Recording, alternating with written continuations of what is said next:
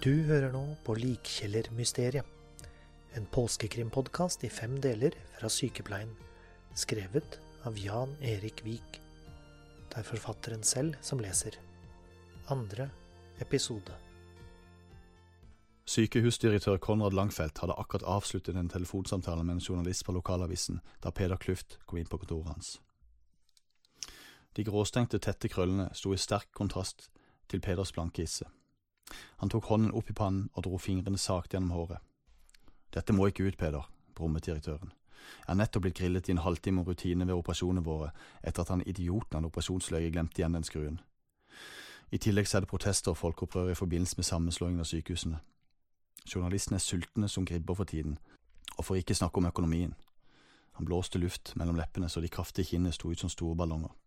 Det var tydelig at han hadde mye å hanskes med. Vi må etterforske dette internt nå, finne ut hvem fanken den dama er. Det må jo være en glipp i rutinen et sted. Peder nikket mot direktøren. Han visste godt at liklageret var hans ansvar, men merking og levering av de avdøde ble utført av de enkelte avdelingene, enten selv eller ved hjelp av portører. Jeg sjekker først ut mot avdelingen som har levert Sonja Bryn, den ekte Sonja altså. Jeg tenker at det må ha vært rotet med lappene, at de har levert to lik og i farten skrevet ut to identiske tålapper. Dersom det viser seg stemme, så er jo dette raskt oppklart, da trenger vi bare få navnet på vedkommende. Jeg kontakter dem med det samme, ok? Helt greit, men gjør det diskré, da, vi skal ikke ha noe rykter løpende i gangene nå, da er journalistene på tråden i løpet av den neste timen. Hold meg orientert. Peder gikk rett ned til hjerte-lungeavdelingen hvor Sonja hadde vært pasient. Etter en prat med vakthavende lege og sykepleier ble det raskt avklart at Sonja Bryn hadde vært pasient hos dem og blitt trillet ned til kjølelageret dagen før. Noen andre pasienter hadde derimot ikke gått samme veien på over en uke. Fanken, mumlet Peder for seg selv idet han rådvill gikk bortfor korridoren. Han hadde svart flåsete da spørsmålet om det var kluss i systemene på kjøla hadde kommet. Eh, ikke mine systemer, der er det full kontroll, hadde han jugd. Øynene stirret intenst på et punkt han svarte. Var det én ting han hadde lært seg, så var det ikke kikke opp på den venstre når en løgn ble servert. Det gamle løgndetektortrikset kjente for mange til. Klokken nærmet seg fire, og vaktskiftet var egentlig over på geriatrisk avdeling. Sykepleier Åse Lom kikket irritert på klokka. Hun skulle ha folk på middag, og ennå hadde ikke avløseren hennes kommet. Hun grep telefonen og slo nummeret til Britt Skog, som sto øverst på vaktlista. Det ringte flere ganger uten at noen svarte. Rød i ansiktet bladde hun gjennom sin egen telefonliste på mobilen.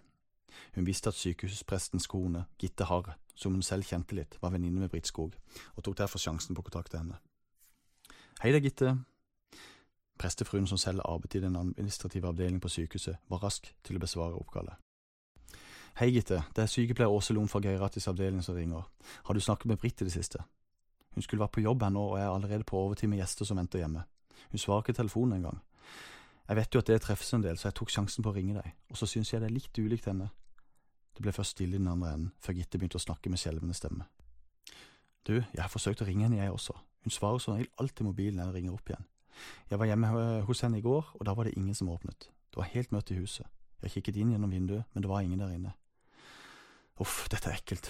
Hun har jo ingen andre heller, så vidt jeg vet, verken mann eller nær familie. Hva syns du jeg bør gjøre? spurte Åse fortvilet. Burde jeg melde henne savnet? fortsatte hun.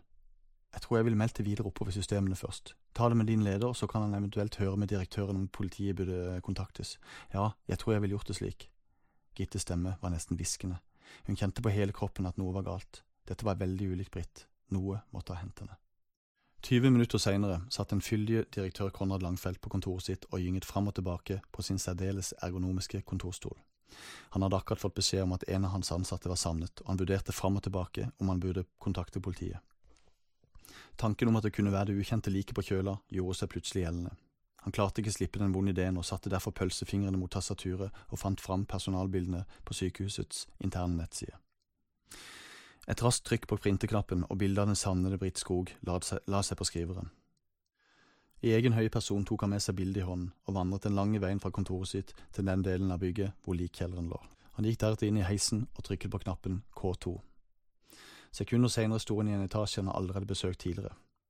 Han syntes allerede han kunne kjenne likstanken, selv om det fremdeles var flere tykke dører mellom ham og de avdøde. Han gikk bort til en låst dør hvor en hvit ringeklokke var plassert på høyre side på veggen. Han tok fingeren opp for å trykke, men ombestemte seg og brukte albuen til å presse inn knappen. En intens ringelyd skrek innover korridoren. På innsiden hørte han etter hvert subbende steg som nærmet seg. En lås ble vridd om, og håndtaket gikk ned. Et smalt beinete ansikt stakk fram mellom dørsprekken. Ja, pep Gynter med sin umelodiøse stemme. Jeg må inn på liklageret. Konrad kjente formalinlukta og var usikker på om det kom fra rommet innenfor eller fra det levende liket som sto framfor ham. Det går nok ikke, her slipper, ikke hvem som helst inn. Gynter knep sammen øynene så de lignet på to små, vablete rynker. Konrad fikk frysninger av figuren foran seg. Vet du ikke hvem jeg er? Konrad var med i bryske stemme nå. Burde jeg det? Gynter lot tungen sveipe over det hvite skummet i munnvikene. Konrad hentet fram lommeboka og dro irritert fram et hvitt kort med bilde på. Jeg er sjefen din og alle andre, andre sjefer på huset her. Jeg er direktøren på sykehuset. Gynters kjøttfulle øyelokk vek fra hverandre igjen. Han åpnet døren på vid gap og gjorde en bevegelse med venstrehånden som tydelig viste at han ønsket direktøren velkommen. Kom inn, kom inn, Deres Majestet. De to siste ordene hvisket han, men Konrad snudde seg brått mot ham, usikker på om han hadde hørt riktig. Liklageret rett fram, skjøt Gynter lynraskt inn. Mons er der inne nå og henter en avdød som skal eh, flises. Gynter humret lystig av sin egen kommentar. Han hadde aldri hatt noe til overs for autoriteter, og ble om mulig enda mindre sjarmerende enn han pleide å være. Konrad tok i håndtaket og så rett i ansiktet til Mons da han dro opp døren. Direktøren, hva gjør du her? Mons så overrasket ut og svarte straks på sitt eget spørsmål. Å ja, ja, frøken X, ja.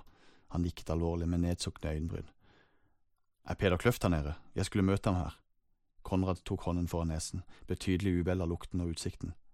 Jeg er her. Peder kom fleseblesende inn fra siden. Har du med bilde? spurte han andpusten. Ja visst. Konrad rakte ham papirarket med et foto av Britt Skog på. Hm, ikke bra, hvisket Peder for seg selv.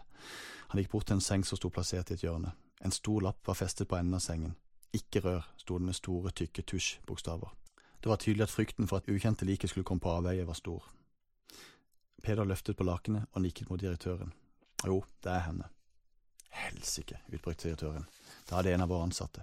Nå blir det fullt oppstyr. Det er ingen vei tilbake, vi må kontakte politiet. Dette stinker mistenkelig lang vei. Konrad lot blikket sveipe over alle de tildekkede sengene, for deretter la øynene gli over ansiktene til Peder, Mons og Gynter. Steng av dette rommet med en gang, ingen skal inn her før politiet er på stedet.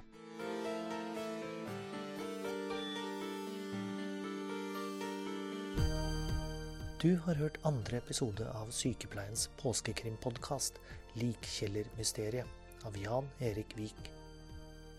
Tredje episode er tilgjengelig fra og med midnatt natt til 12. april. Og du finner alle tilgjengelige episoder på Sykepleiens hjemmeside, på iTunes og på podbean.com. Vi høres!